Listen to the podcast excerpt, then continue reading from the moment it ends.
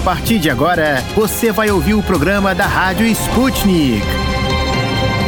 Ouvintes! Eu sou a Francine Augusto e, junto com a queridíssima Melina Saad, apresentarei o programa de hoje da Rádio Sputnik. É, Fran, vamos juntas trazer o que acontece de mais importante no Brasil e no mundo nesta quarta-feira, 2 de março. A equipe da Embaixada Brasileira em Kiev deixou o país. O anúncio foi feito nesta terça-feira e a decisão foi tomada por razões de segurança. O embaixador brasileiro Norton de Andrade Melo Rapesta, no entanto, afirmou que ele e a equipe brasileira vão continuar no território ucraniano até retirar todos os cidadãos brasileiros que desejem sair do país. Segundo Itamaraty, as atividades da embaixada brasileira serão transferidas para Lviv, na própria Ucrânia, e em Chisinau, capital da Moldávia. E cerca de 40 brasileiros que saíram da Ucrânia chegaram ontem ao Brasil, segundo o Ministério das Relações Exteriores. Entre eles estavam os jogadores de futebol do Shakhtar de Donetsk. Eles conseguiram ir de trem da Ucrânia até a Romênia e de lá foram de avião até solo brasileiro. Ainda de acordo com Itamaraty, mais de 100 brasileiros conseguiram deixar a Ucrânia e ir para países vizinhos. Cerca de 80 brasileiros continuam no país, mas manifestaram ao órgão o interesse de sair. O conflito na Ucrânia continua mobilizando a cena internacional. O presidente norte-americano Joe Biden fez seu primeiro discurso anual de Estado da União e o foco foi a situação em torno de Ucrânia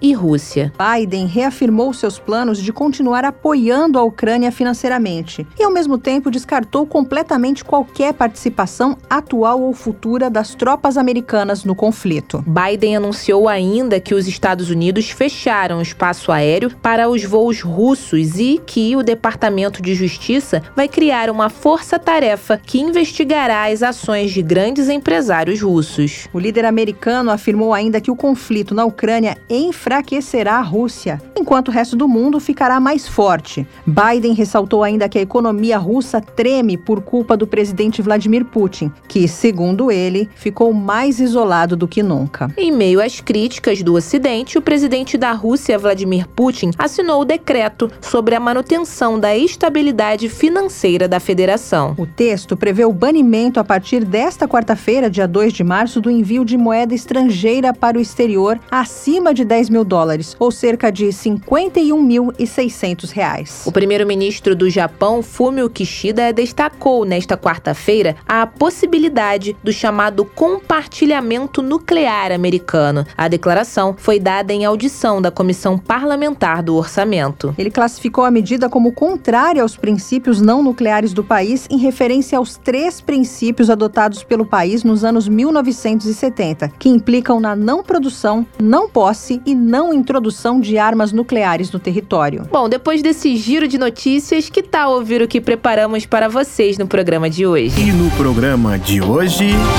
No Destrinchando a Charada Brasil, nós vamos explicar como declarar os investimentos em criptomoedas no imposto de renda. No Bombando no YouTube, troca de produtos importados pelos nacionais russos será a nova base de negócios na Rússia. E no Destrinchando a Charada Internacional, vamos falar dos NFTs e como andam mexendo com o mercado financeiro internacional. No nosso Você Sabia, que é o nosso quadro sobre curiosidades do Brasil, nós vamos falar sobre como surgiu um dos pratos mais queridos pelos brasileiros, a feijoada, e sobre a contribuição de um brasileiro para a descoberta do soro antiofídico.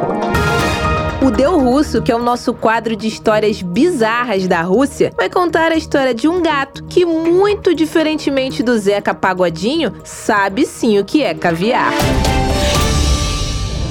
Destrinchando a charada. De dentro e fora do Brasil. Política, economia, sociedade e tudo que engloba o maior país da América Latina. As charadas mais complicadas do Brasil são destrinchadas aqui.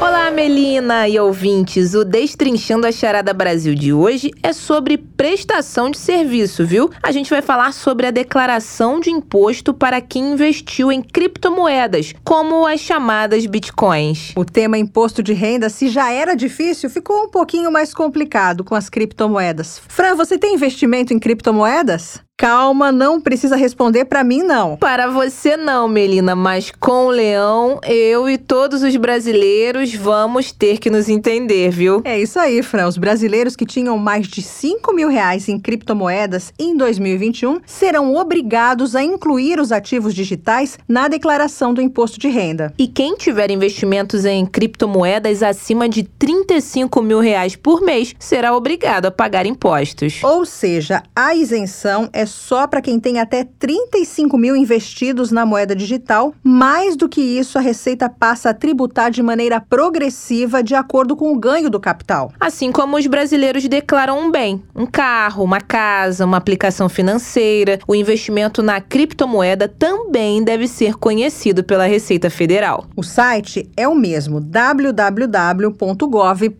e as declarações começam a ser recebidas na próxima segunda-feira, dia 7 de de março e o prazo vai até o dia 29 de abril. Então, já que pouco se sabe sobre o assunto, vamos chamar especialistas para trazer os esclarecimentos que os nossos ouvintes precisam e muito. Na ponta da linha está com a gente a advogada tributarista Bianca Xavier. Bianca, o modelo de declaração deste ano das criptomoedas vai ficar mais fácil? Na verdade, fica um pouco mais fácil se você partir da premissa de que quem é o custodiante das criptomoedas criptomoedas, por exemplo, já passar isso mastigado né, para o cliente, para o contribuinte. Mas, em geral, pode ser que não venha essa informação, como os bancos, em geral, dão já né, aquele informe de rendimento bem especificado, já com os códigos. Então, depende muito de como virão esses informes. Mas, tecnicamente, é até melhor para o contribuinte ele acabar tendo segregado ali direitinho qual é o ativo que ele tem, né? Então, vamos supor, o imóvel, o terreno, a casa, e o que, que ele tem de criptomoeda moeda, dá mais trabalho, você agora tem que especificar. Mas quando você for vender, também fica muito mais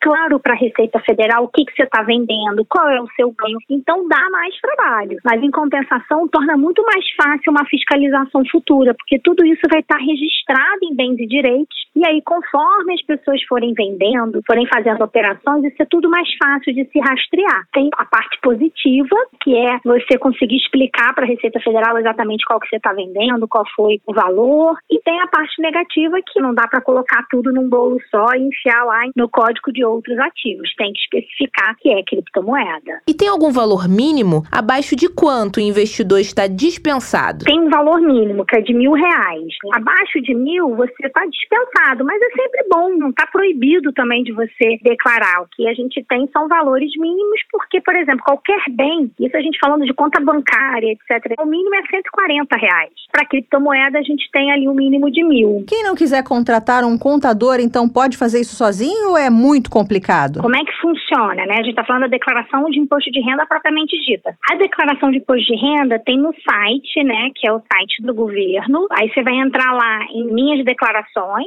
e aí lá vai estar disponível para download o programa. Agora, também é possível você fazer pelo celular, pelo iPad, não só pelo computador. Hoje, quer dizer, hoje não, né? Já há mais de 10 anos anos, a Receita permite até por tablet, mas o programa em si você adquire na página do governo. Essa foi a Bianca Xavier, advogada tributarista, que ajudou a gente a entender melhor como declarar os ativos digitais no imposto de renda relativo ao ano de 2021. Obrigada, Bianca. Eu convido agora outra pessoa para falar sobre esse assunto. É o especialista em criptomoeda da Universidade Presbiteriana Mackenzie, Nelson Mitsu Shimabukuro. Olá, professor. Seja muito bem-vindo. Professor, explica melhor para a gente como os ganhos desse investimento em Bitcoin também são tributados. O valor a declarar é o valor de aquisição, se foi feito em dólar ou em outra moeda, utilizar cotações de câmbio do PETAX do dia ou qualquer outra informação oficial do Banco Central. Todas as transações acima de 35 mil estão sujeitos a recolhimento de imposto de renda de ganhos de capital. Não esquecendo que o, as criptomoedas são consideradas ativos e, como tal, eles recolhem imposto em cima da valorização. Porém,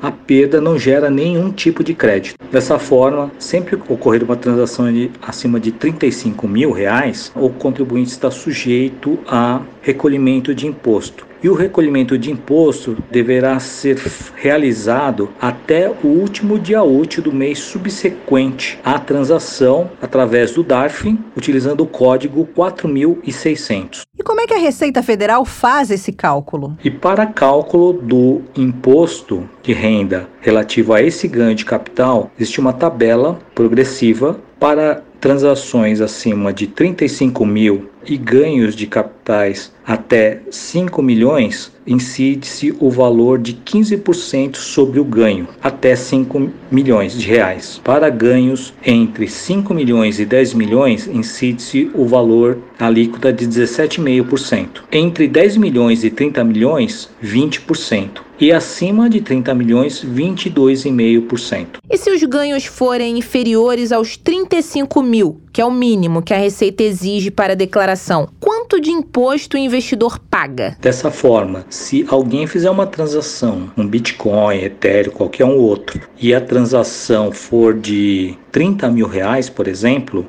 o contribuinte está isento de recolhimento de imposto de renda. Por exemplo, se alguém comprou um Bitcoin a 60 mil reais e vendeu por 80 mil, tendo um lucro de 20 mil, como o valor da transação foi acima do teto estipulado 35 mil, os ganhos, ou seja, a diferença entre 60 e 80 mil, são tributados, tá? de acordo com a tabela já informada. Mas, por exemplo, se a pessoa comprou um Bitcoin 50 mil e vendeu por 40 mil, não houve ganho de capital, ou seja, ele perdeu 10 mil. Perdendo 10 mil, não é necessário recolher imposto. Esse foi o professor Nelson Mitsu Shimabukuro explicando como declarar os investimentos em Bitcoin. Obrigada, professor, e até uma próxima oportunidade. Destrinchando a Charada Brasil fica por aqui. Até a próxima.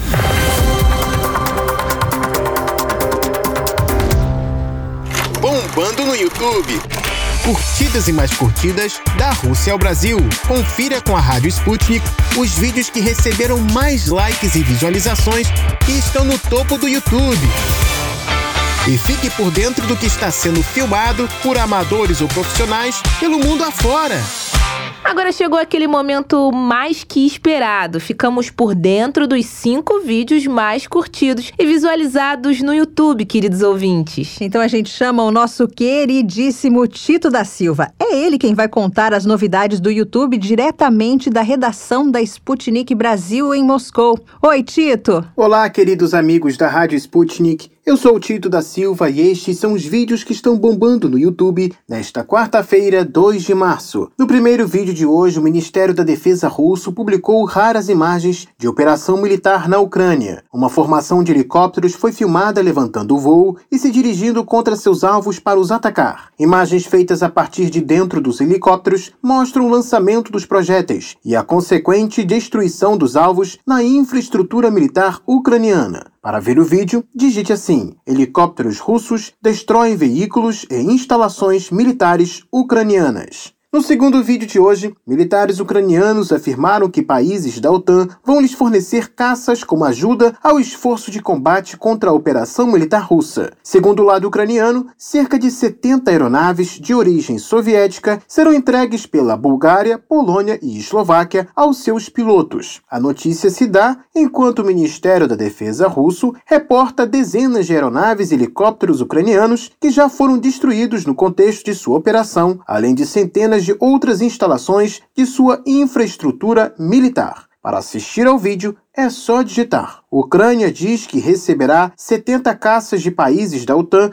e que poderá utilizar bases aéreas polonesas. No terceiro vídeo de hoje, o governo russo anunciou o estímulo às substituições de importações. A medida visa incentivar a produção de bens nacionais equivalentes a bens importados, o que deverá diminuir a dependência em relação às importações. O anúncio acontece em meio a sanções impostas pelos Estados Unidos, União Europeia e seus aliados contra a Rússia. Para assistir ao vídeo, é só digitar Rússia estimulará a substituição de bens importados por nacionais. No quarto vídeo de hoje, enquanto a Rússia continua sua operação na Ucrânia e também apoiando as repúblicas de Donbass, um vídeo foi divulgado mostrando os estragos provocados após a base aérea de Ivano-Frankovsk da Ucrânia ter sido bombardeada. Vários caças MiG-29 do país foram filmados destruídos ou danificados no local. Para ver o vídeo é só digitar vários MiG-29 da Ucrânia aparecem destruídos ou danificados em base aérea bombardeada. E no quinto vídeo de hoje, a Ucrânia estaria sofrendo a falta de munições dos sistemas Javelin passados por países ocidentais para a luta contra a Rússia. A embaixadora ucraniana nos Estados Unidos, Oksana Markarova, teria comunicado os problemas de falta de armamentos das Forças Armadas da Ucrânia às autoridades norte-americanas na tentativa de receber maior apoio militar ao seu país. Para mais detalhes, digite assim: Ucrânia fica sem sistemas Stinger e mísseis Javelin e pede mais armamento diz político. E por hoje é tudo, pessoal. Até mais. Melina, essa determinação foi anunciada nesta terça-feira pelo premier russo Mikhail Mishustin durante conferência com autoridades do país. Francine, a troca dos produtos importados pelos nacionais será, de acordo com o premier, a nova base de negócios. Mas como ele mesmo disse, Moscou está disposta a dialogar com os investidores. Bom, Tito, muito obrigada pelo top 5 do YouTube de hoje. Até mais!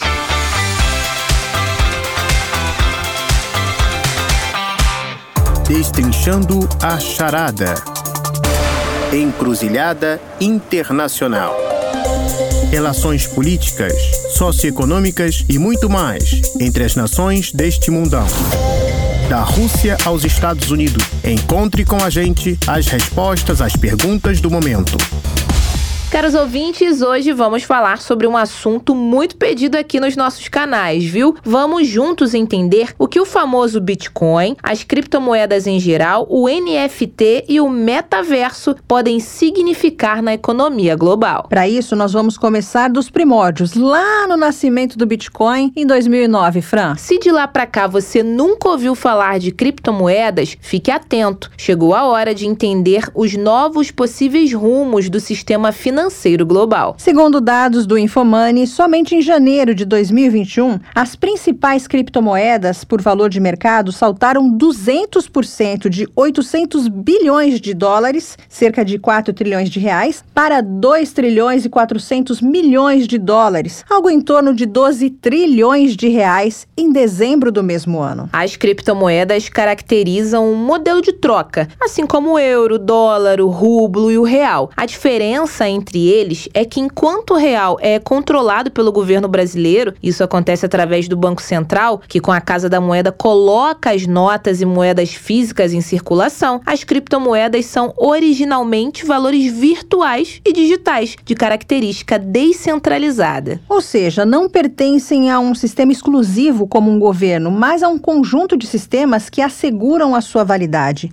Cada criptomoeda é criada com base em um protocolo, um código base que indica um padrão para que sejam replicadas, podendo ser substituídas por outras iguais ou semelhantes, como o nosso dinheiro, Fran. Mas o que vem tomando conta e ganhando destaque nas revistas especializadas em investimentos são os NFTs, na sigla em inglês Non-Fungible Token. Exato, são tokens não fundíveis que não podem ser substituídos, são únicos. É aqui que o seu conceito se aproxima do de obras de arte. E é nesse ponto que, para entender mais e ter uma maior percepção deste mercado tão novo e promissor, conversamos com uma especialista no assunto, a Raquel Vieira, da casa de análise independente Top Game. Seja muito bem-vinda, Raquel Vieira. Será que você poderia começar nos explicando um pouco mais o que são as NFTs e o que isso tem a ver com as obras de arte? NFTs é a sigla para Non-Fungible Tokens, que vem do inglês. E quando a gente passa para para português significa tokens não fungíveis. Para a gente entender do que, que eles se tratam, primeiro é interessante a gente compreender o que seria algo fungível. Então vamos lá. Algo fungível é algo que pode ser substituído por outro igual ou semelhante, da mesma espécie. Então, por exemplo, se eu empresto 100 reais para alguma outra pessoa, quando essa pessoa for me pagar um tempo depois, ela pode me pagar com uma nota de 100, ela pode me pagar com duas de 50, cinco de 20 e por aí vai, que o valor será o mesmo, não tem nenhum problema. Agora, se eu falo de algo não fungível, é algo que não pode ser substituído por outro igual e semelhante. É algo único no mundo. E um exemplo ótimo para a gente demonstrar isso são obras de arte mesmo. Então, por exemplo, o quadro da Mona Lisa, que fica lá no Museu do Louvre. A gente tem diversos quadros da Mona Lisa espalhados pelo mundo, cópias, mas nenhum agrega o valor igual aquele que tem lá no museu. E por isso que muitas pessoas viajam, fazem turismo aí para o exterior, justamente para ver aquele quadro específico pessoalmente, porque é aquele que agrega o valor e ele se torna algo único. Então isso seria algo não fungível. Quando a gente fala de tokens não fungíveis, a gente está trazendo para a área da blockchain essa unicidade. Então, quando a gente fala de NFTs, ele tem um certificado digital que garante que ele seja único no mundo. Então, pode até ter outro parecido, mas a gente nunca vai ter um NFT que seja igual ao outro. Só existe um.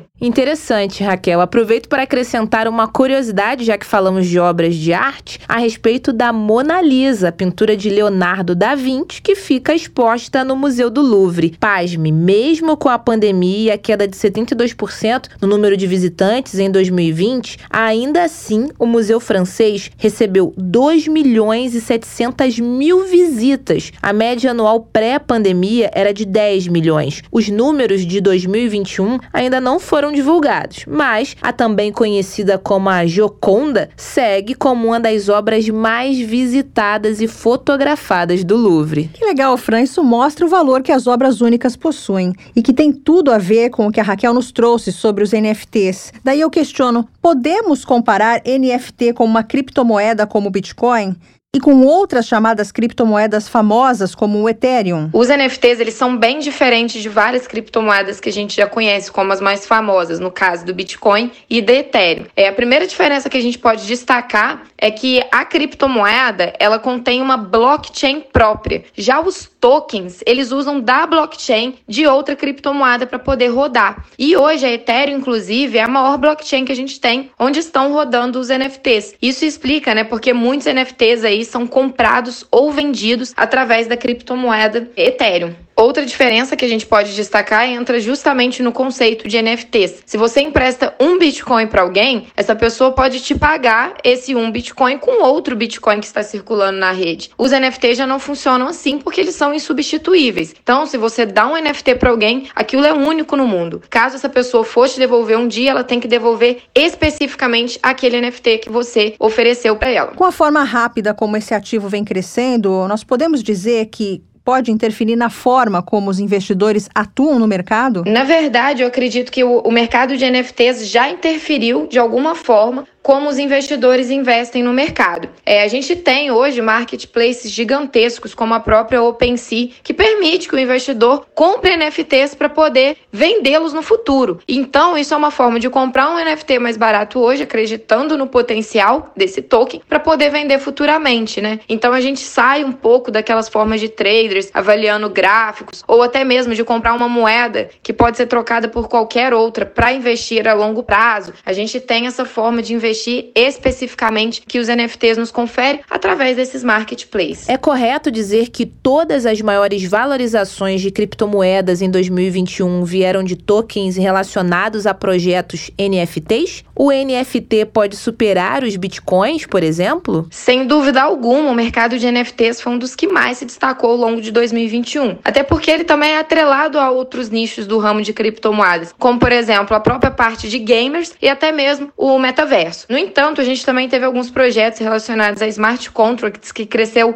bastante durante o ano, bem como também as meme coins, que acabou multiplicando o capital dos investidores diversas e diversas vezes. Aproveitando que você mencionou o metaverso, Raquel, Poderia nos detalhar como a tecnologia do metaverso se relaciona com os NFTs? O metaverso muitas vezes acaba se relacionando diretamente com os NFTs. Resumidamente, o metaverso é um ambiente virtual que visa replicar experiências que a gente tem no mundo real. Então, isso pode acontecer até no meio profissional, onde a gente pode realizar as calls que a gente realiza hoje, né, por Zoom ou por áudio WhatsApp, a gente pode acabar vivendo isso no metaverso e vai criar uma experiência direta com a outra pessoa que está do outro lado, bem como também é muito utilizado para o meio de entretenimento. Então a gente pode assistir jogos de futebol ou até shows de artistas famosos. Podemos fazer encontro com amigos por meio do metaverso e por aí vai. E como que isso se relaciona com os NFTs afinal? Vou dar um exemplo para ficar mais fácil de entender. A Nike no ano passado, ela criou tênis em formato de NFTs para serem usados pelos avatares no metaverso. Então cada tênis vendido pela Nike seria um token único que cada avatar poderia ter para viver essas experiências. Então a gente basicamente pode criar itens únicos para serem utilizados nesse novo ambiente virtual. Os NFTs superaram o Bitcoin em valorização, certo? Mas o que, que isso significa para quem investe nessa área? É hora de trocar o ativo ou é preciso ter um pouco mais de cautela? Muitos dos NFTs acabaram valorizando mais percentualmente falando do que o Bitcoin em 2021. Porém, a gente tem que ter muita cautela quando a gente fala de trocar os investimentos de NFTs pelo Bitcoin. O Bitcoin, ele é a criptomoeda que está no top 1 em quesito de capitalização de mercado. E a gente tem uma reação no mercado cripto que é a seguinte: Bitcoin valoriza, todas as outras criptomoedas, todas as outras altcoins vão acompanhar essa valorização em geral. E o inverso também acontece. Então, se o Bitcoin desvaloriza, a gente vai ver o mercado cripto indo para baixo junto. Obviamente, cada um em uma proporção. Então, a gente também tem que lembrar dessa reação de mercado antes de pensar trocar. Porque o que, que vai acontecer com o Bitcoin é o que vai ditar como vai estar o mercado cripto no dia ou no momento. Lembrando também que quando a gente gente pensa em criptomoedas, a gente tem que lembrar também da diversificação. Então, nada impede que você tenha Bitcoin e uma outra criptomoeda ou outras criptomoedas na carteira, bem como outros tokens. Então, você pode investir em Bitcoin e também estar investindo em NFTs ao mesmo tempo. Não seria necessário fazer uma troca de Bitcoin por outro ativo. Para quem nunca investiu na área, qual dica você daria? É seguro? Eu acredito que o mercado de NFTs é um dos mais promissores do mercado cripto, só que ele está apenas começando. E isso pode ser bom, porque quando a gente pega o mercado no começo, a gente consegue surfar uma onda de valorização gigantesca, como aconteceu, por exemplo, com o Bitcoin. Quem acreditou no Bitcoin há anos atrás, quando ele valia muito menos, hoje já está muito bem de vida. A gente tem até os milionários do Bitcoin. Até porque a gente está falando também do ativo que mais valorizou no mundo. No entanto, isso pode acabar acontecendo com outros nichos das criptos. A volatilidade é muito grande e a gente consegue pegar num período menor de tempo uma valorização grande. Os NFTs, ele ainda não passou pela prova do tempo. Então isso acaba tornando um mercado de alto risco. Não considera um mercado que vai conferir segurança para alguém. No entanto, ele pode trazer um potencial, né, um, um retorno gigantesco para cada investidor. Excelente. A nossa entrevistada de hoje foi Raquel Vieira, especialista em criptomoedas da Top Game. Agradecemos muito a sua participação, Raquel. Siga o canal oficial da Sputnik Brasil no Telegram para ficar por dentro de tudo. O canal oficial possui uma certificação azul ao lado do nome. No nosso site nós temos essa reportagem em formato texto, editado por Bruno Fernandes e a entrevista foi realizada pela Luísa Ramos. Certíssimo, Melina. Por aqui, seguimos apurando informações para os nossos ouvintes e realizando o nosso trabalho com bastante profissionalismo. Nossa charada internacional fica por aqui.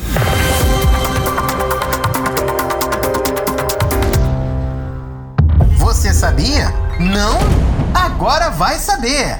Num país gigante como o Brasil, sempre há mistérios ou peculiaridades históricas que merecem ser desvendados. Vem com a gente descobrir!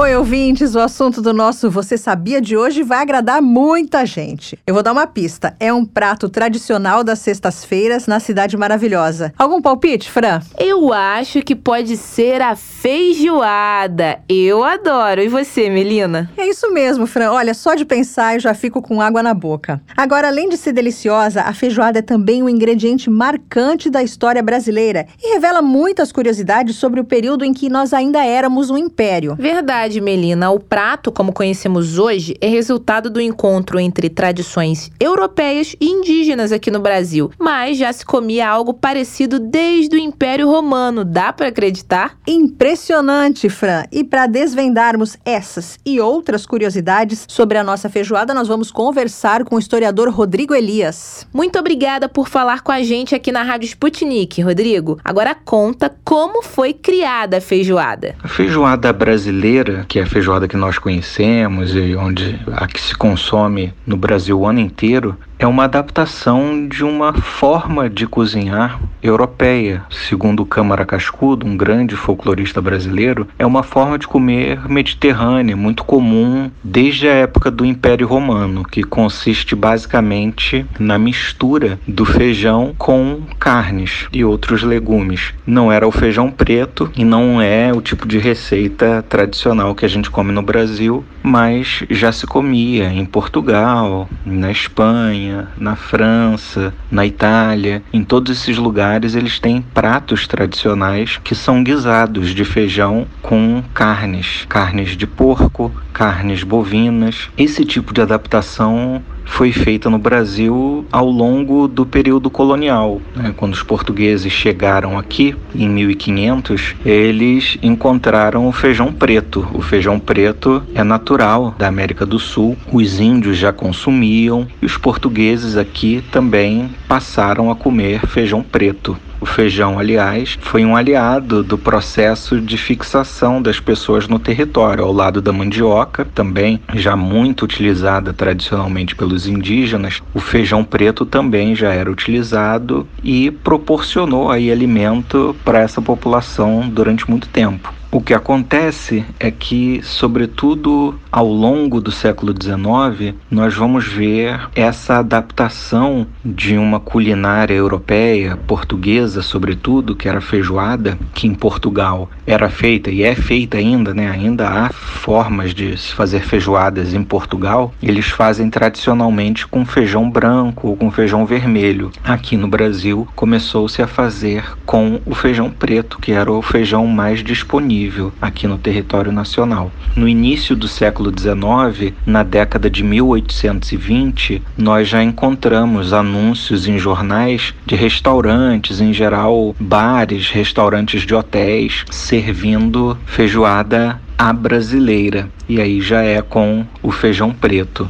Então, a partir da década de 1820, 1830, esse prato começa a se difundir bastante pelo Brasil. Puxa, então, não só a feijoada, mas o feijão preto, típico da feijoada que comemos aqui no Rio de Janeiro, também teve seu papel importante na nossa história. Nada é por acaso, não é, Melina? Nada, Fran. Agora, Rodrigo, algumas pessoas comentam que a feijoada seria uma espécie de misturado, feito com feijão e sobras de outras refeições consideradas mais nobres. Isso é verdade? Não. A feijoada à brasileira não foi inventada e não foi feita tradicionalmente a partir de restos ou sobras de outros pratos. Na verdade, se a gente for observar a documentação, os livros de memórias, os textos da época, os anúncios nos jornais, a gente vai perceber que essas partes, por exemplo, né, como orelha, pé de porco, rabo de porco e outras partes miúdas de animais, essas partes não eram consideradas restos, muito pelo contrário. Nós temos livros de receitas destinados à elite durante o período imperial, ensinando justamente a fazer essas partes dos animais e afirmando textualmente, enfaticamente, que essas partes eram destinadas a pessoas importantes, pessoas de alta categoria. Nós percebemos isso também quando observamos que nas décadas de 1820, 1830, 1930, ou seja, época do auge da escravidão no Brasil, esses pratos, dentro de uma sociedade escravocrata, eram servidos em restaurantes, em hotéis que não eram frequentados e que não ofereciam serviços para as pessoas mais pobres, inclusive para as pessoas escravizadas. O que a gente percebe também na documentação da época, por exemplo, a partir do Debré, do Coster, do Saint-Hilaire, todos esses viajantes que estiveram no Brasil no início do século XIX, ainda no final do período colonial e no início do período imperial, o que a gente percebe é que a alimentação comum das pessoas pobres incluía sim feijão, mas não feijoada. Feijão e farinha era o alimento predominante, por exemplo, nos centros urbanos, né, como Rio de Janeiro e nas cidades do Nordeste, por exemplo, né, nas cidades capitais, nas capitais de província, a gente percebe que feijão e farinha está muito presente. A população escravizada, por exemplo, era alimentada em grande parte com angu,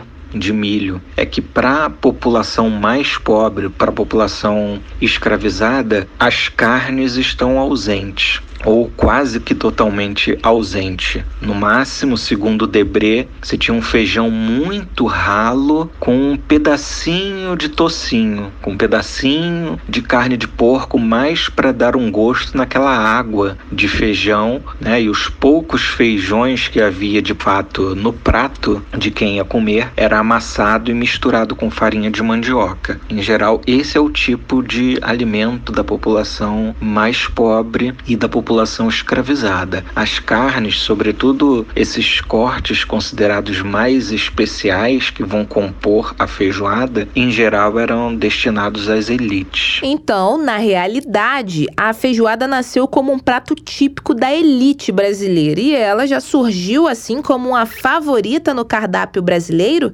quando se popularizou. O feijão é uma presença constante na culinária do Brasil desde muito antes dos portugueses chegarem. Bem, como foi uma adaptação portuguesa, a feijoada em si, ela vai se tornando popular ao longo da presença portuguesa, obviamente aqui no Brasil com os indígenas e os seus descendentes, assim como os africanos e os seus descendentes também. Ela vai se tornando, em primeiro lugar, muito presente entre as elites urbanas, a feijoada, e na virada do século XIX para o século XX, ela vai chegar com muita força também para a população como um todo. A feijoada ela acaba virando sinônimo de fartura na virada do século XIX para o século XX, justamente com o fim da escravidão. Aí vai ser muito comum, por exemplo, a presença ou a ocorrência de festas ao redor da feijoada. Ficaram muito famosas as feijoadas no Rio de Janeiro, associadas ao contexto do samba, por exemplo, associada ao contexto das religiões afro-brasileiras. Feijoada da Tia Ciata, por exemplo, muito famosa.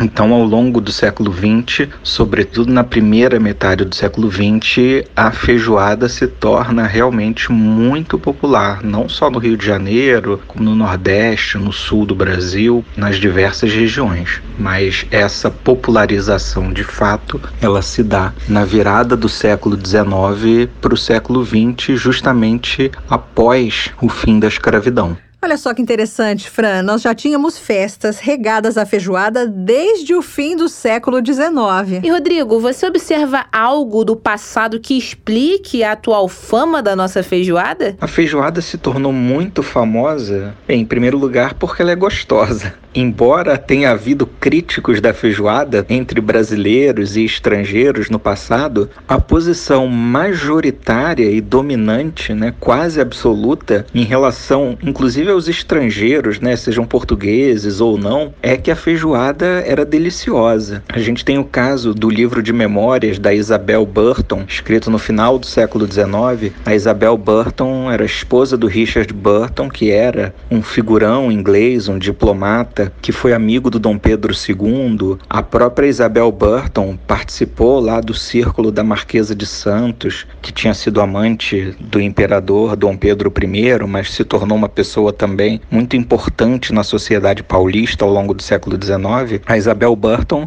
ela escreve suas memórias mais tarde, sentindo saudades da feijoada, dizendo que ela adorava comer feijoada e gostaria de comer de novo feijoada, mas que ela não tinha acesso na Inglaterra. Então, a Isabel Burton é um exemplo, mas vários outros estrangeiros que passaram pelo Brasil adoraram feijoada. Não à toa ela ainda é um prato não raramente oferecido né, a diplomatas, a personalidades estrangeiras. Então, em primeiro lugar, a feijoada é gostosa. Em segundo lugar, ela também tem sabor de fartura.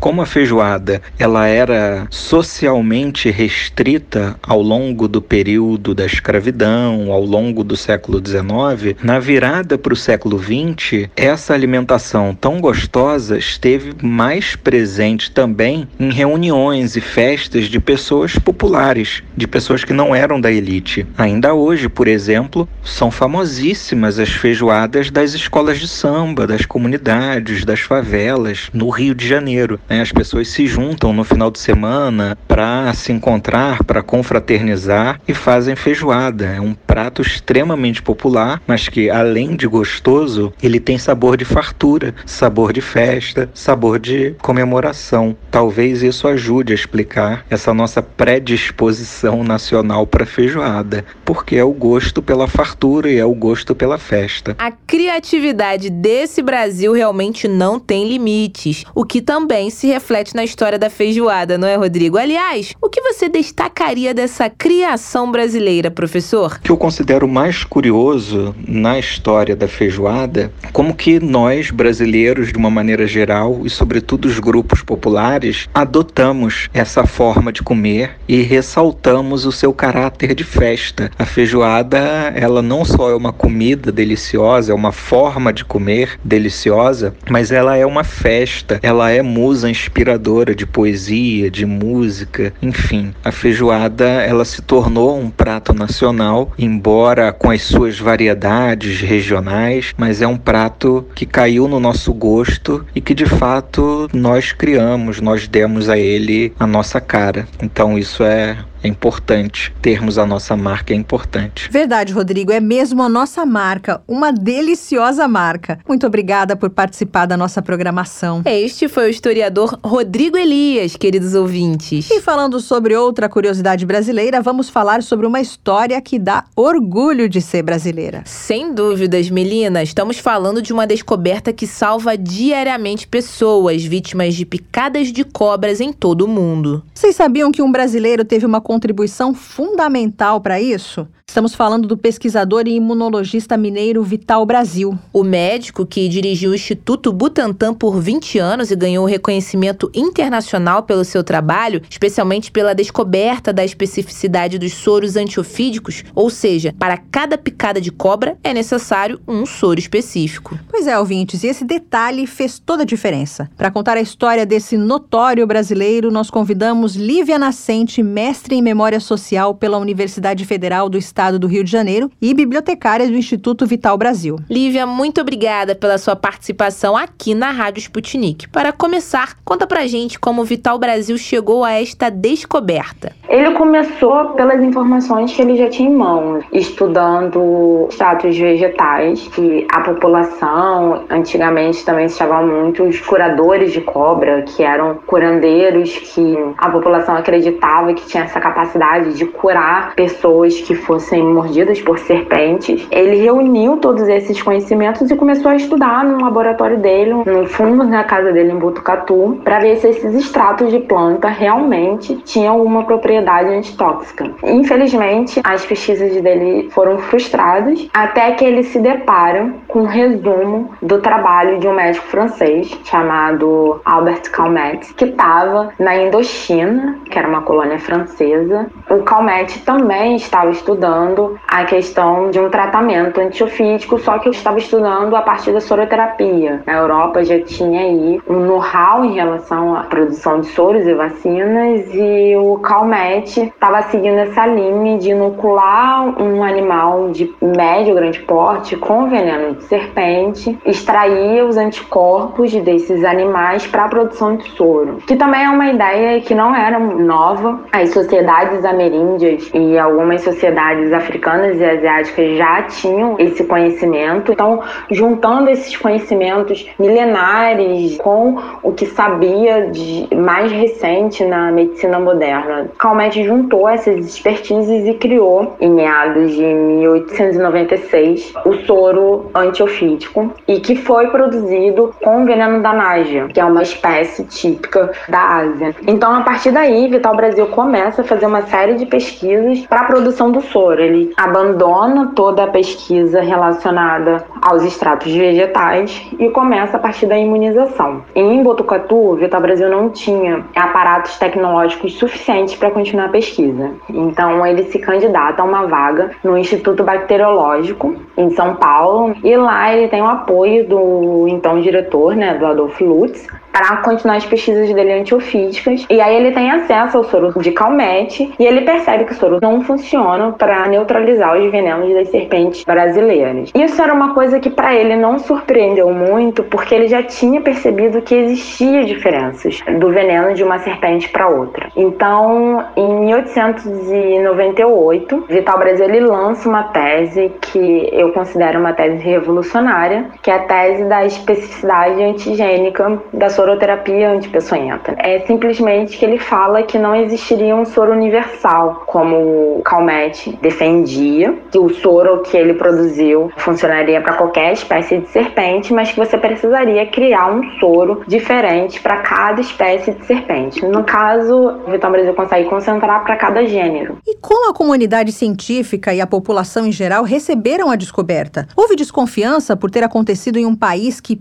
pouco tempo antes era uma colônia? Os estudos do Vital Brasil foram recebidos com um certo receio, embora a mídia nacional tenha feito matérias bem positivas, mas na época o Instituto Butantan, né, demorou a receber o devido valor pela pesquisa que ele fez, porque tinha uma questão aí não só de ser um desenvolvimento de uma pesquisa desenvolvida no Brasil, que era um país desvalorizado em termos científicos, mas também porque Vital Brasil desenvolveu um tratamento que favorecia a uma parcela da população já muito invisível. As maiores vítimas dos acidentes ofídicos eram a população pobre rural. A tese da especificidade antigênica do soro antiofídico defendida por Vital Brasil, né, desenvolvida e criada por Vital Brasil, ela não foi nem um pouco bem recebida pela comunidade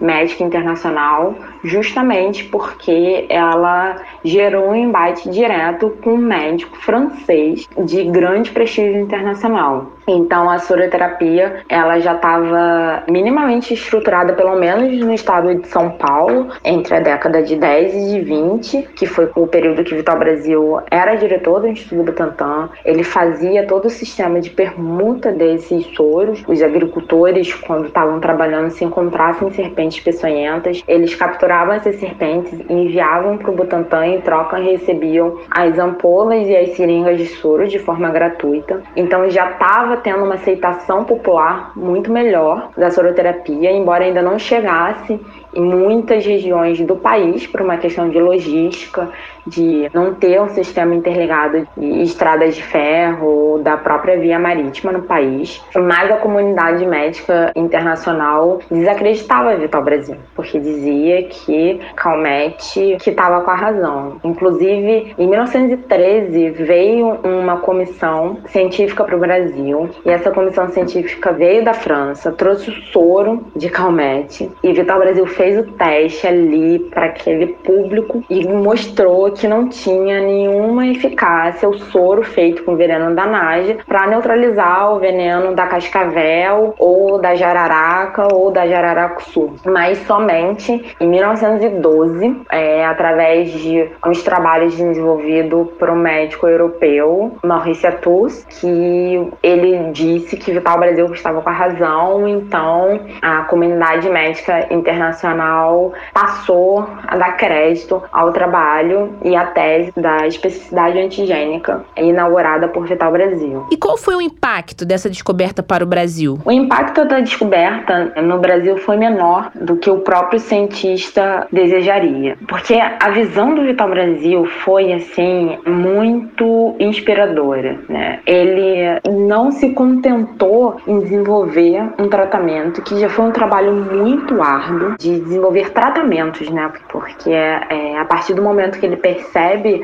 que ele desenvolve a tese da especificidade antigênica da soroterapia antiofídica, ele tem que desenvolver tratamentos que o princípio pode ser o mesmo, né? Você inocular o veneno no cavalo, tirar o anticorpo para produzir o veneno, mas a questão da quantidade de veneno inoculado dos antígenos, isso varia de espécie de serpente para espécie de serpente. Quantidade de ampolas que tem que ser administradas, porque a potência dos venenos variam. E Vital Brasil não se limitou a esse trabalho que para mim já é hercúleo. Ele ainda desenvolveu todo um programa para garantir o acesso a esse medicamento, que é o sistema de permutas. Então ele trouxe a comunidade para trabalhar, primeiro junto com o Butantan, depois junto com o Instituto Vital Brasil, capturando as serpentes. Então ele sabia aonde cada espécie tinha uma população maior, o número de serpentes que recebia por estações, ele também conseguiu mapear qual era a frequência dos acidentes, geralmente no período de reprodução, o que os animais caçavam era quando eles tinham um contato maior com o ser humano. E ele estudou mesmo as características das serpentes para distinguir as peçonhentas das não peçonhentas, os predadores desses animais, a importância desses animais para o equilíbrio ecológico. E ele criou todo um programa de educação popular, porque ele dizia que era fundamental qualquer cidadão ter conhecimento para identificar a serpente, saber como se comportar caso se deparasse com uma, para evitar os acidentes, e em caso de acidente, saber o tratamento. Então, assim, a partir do momento que você sabe identificar uma cascavel, você consegue falar assim: eu ouvi um chocalho, parece um chocalho de uma cascavel, então não vou chegar perto. Mas caso você não escute pise e veja um animal, você vai chegar no hospital e falar: fui mordido por uma cascavel. Ou então saber a importância do uso de botas, calças compridas, blusas de manga comprida. Quando você for trabalhar nas lavouras,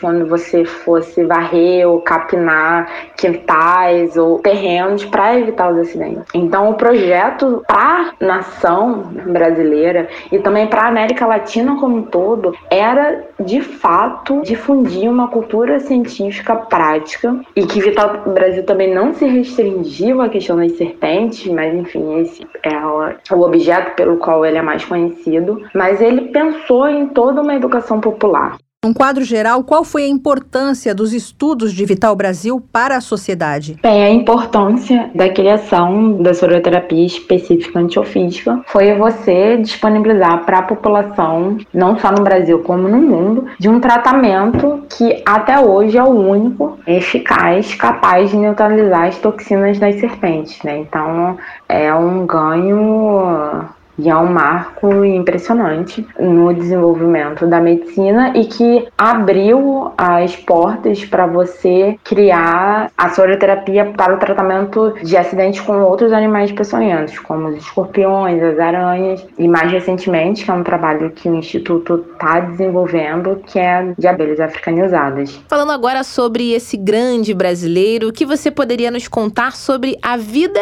e o trabalho de Vital Brasil? A gente está falando de um homem que viveu 85 anos, teve 18 filhos, casou duas vezes, fundou duas grandes instituições de ciência e tecnologia do Brasil, o Instituto Butantan e depois o Instituto Vital Brasil, e acreditava muito na educação completamente conectada à ciência. Ele, inclusive, no Butantan, criou uma escola para que tanto os filhos dele como os filhos dos funcionários e funcionários analfabetos tivessem a capacidade de aprender a ler e escrever. E ele dizia que era fundamental para o desenvolvimento social pessoas instruídas que tivessem autonomia para tomadas de decisões em momentos de crise. Nesse sentido, ele está falando de crise sanitária. E crise sanitária aqui também não está relacionada a grandes pandemias ou epidemias, mas você entender minimamente sobre fisiologia, sobre ecologia, sobre o comportamento animal, não só do homem, mas de outros animais, para que você conseguisse lidar com qualquer tipo de doença, né? E saber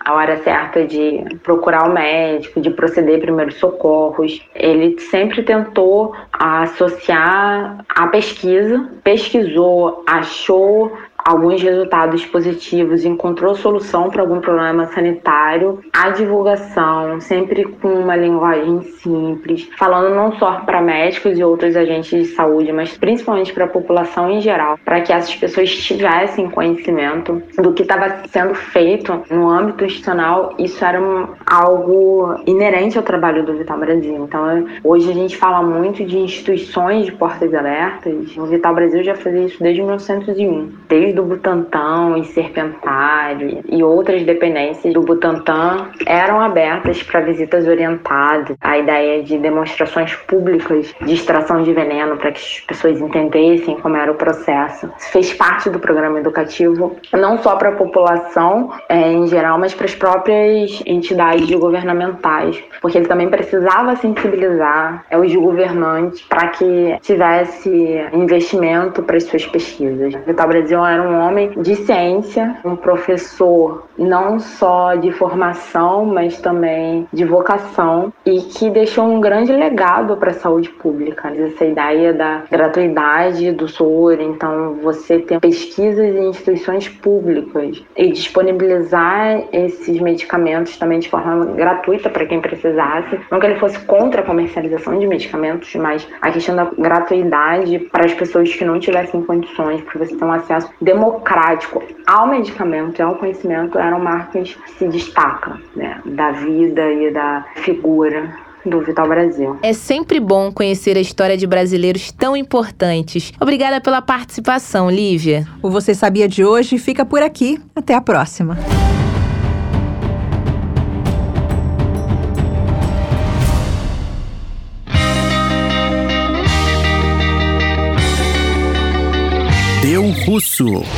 De notícias bizarras do Brasil já estamos mais que saciados. E as bizarrices que acontecem na Rússia, hein? É outro nível, rapaziada. Ih, deu russo. Fran, eu vou fazer uma pergunta para você e eu espero uma resposta sincera, hein? Você sabe o que é caviar? Resposta sincera, mas nem tão original. Vou ter que copiar a frase do grande Zeca Pagodinho, porque eu nunca vi nem comi, eu só ouço falar. E outra coisa que ouço muito é que o caviar russo é muito bom, viu? Nossa, eu também ouvi falar do quão gostoso é o caviar russo, tanto vermelho quanto o preto. Detalhe, caviar preto é um dos mais caros ouvintes. Ou seja, né, é um aperitivo caro, então podem ter certeza que eu nunca provei, mas eu tenho vontade. Morro de vontade de provar também, Melina. Para quem não sabe, o caviar preto é justamente a ova que ainda não foi fertilizada do peixe beluga, também conhecido como esturjão. O esturjão, depois do tubarão-baleia, é o maior peixe de água salgada do mundo. Então dá para entender a dificuldade que é conseguir fisgá-lo e de conseguir encontrar nele as ovas no estado perfeito para venda. Outro detalhe, ouvintes, o caviar beluga era apreciado por famílias reais. Então, não é todo mundo que tem a chance de provar esse caviar. Nem todo mundo, vírgula, pois tem um gatinho russo que adora caviar preto. E a dona dele não perde a chance de mimá-lo. Uma vez por semana, Olga sai para passear com seu gatinho e não é qualquer passeio não, viu, caros ouvintes? Pois é, a Olga adora levar o bichano para restaurantes caríssimos de Moscou. E essa russa não economiza na hora de pedir comida para o seu animal de estimação. Como nos restaurantes moscovitas não há cardápios para gatos, Olga sabe muito bem o que pedir. É salmão, atum, salada coreana de cenoura picante, creme de leite azedo e, claro, muito caviar. Na mesa do gatinho de Olga não pode faltar caviar, caros ouvintes e Fran. E esse gato adora tanto caviar vermelho como preto.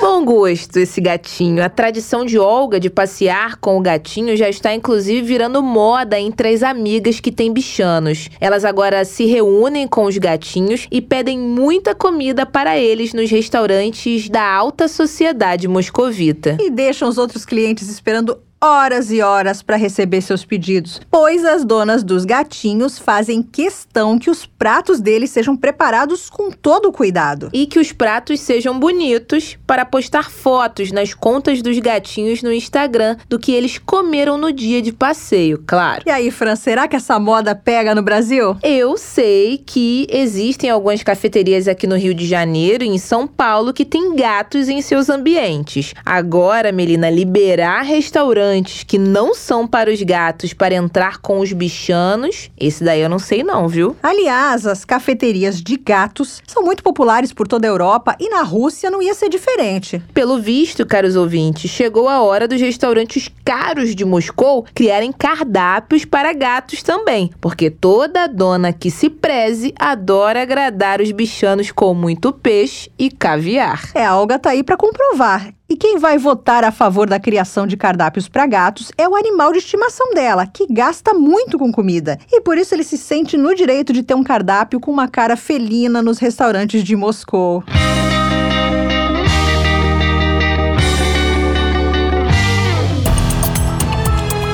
Hora de dar tchau.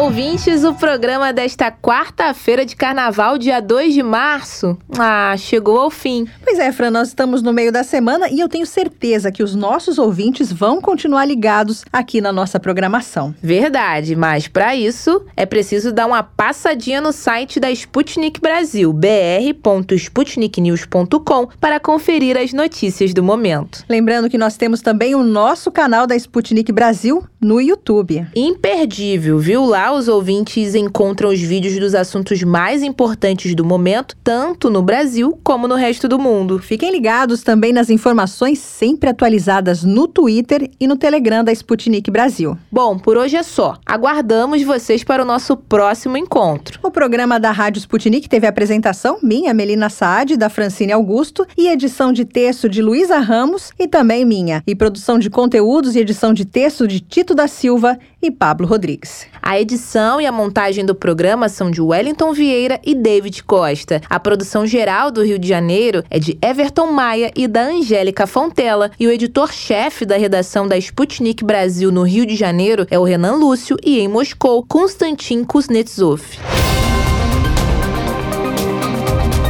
Você acabou de ouvir mais um programa da Rádio Sputnik.